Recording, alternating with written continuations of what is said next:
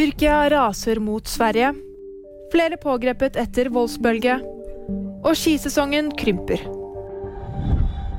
President Erdogan sier mandag at Sverige ikke kan forvente at Tyrkia skal støtte deres medlemskap i Nato. Dette sier han fordi høyreekstremisten Rasmus Paludan lørdag brant en koran utenfor Tyrkias ambassade i Stockholm. Tyrkia skal på forhånd ha bedt svensk politi om å stoppe koranbrenningen, men det skjedde altså ikke.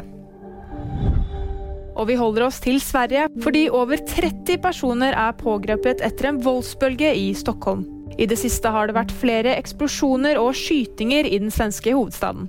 Det skriver Ekspressen. Ifølge politiet er det flere pågående gjengkonflikter i byen. Og det er dårlige nyheter til alle skientusiaster der ute, for skisesongen blir stadig kortere. Så når vi kommer til ja, 2050 f.eks., så er det skikkelig eksotisk å kunne gå på ski her i disse løypene. Det sier statsmeteorolog Jon Smits.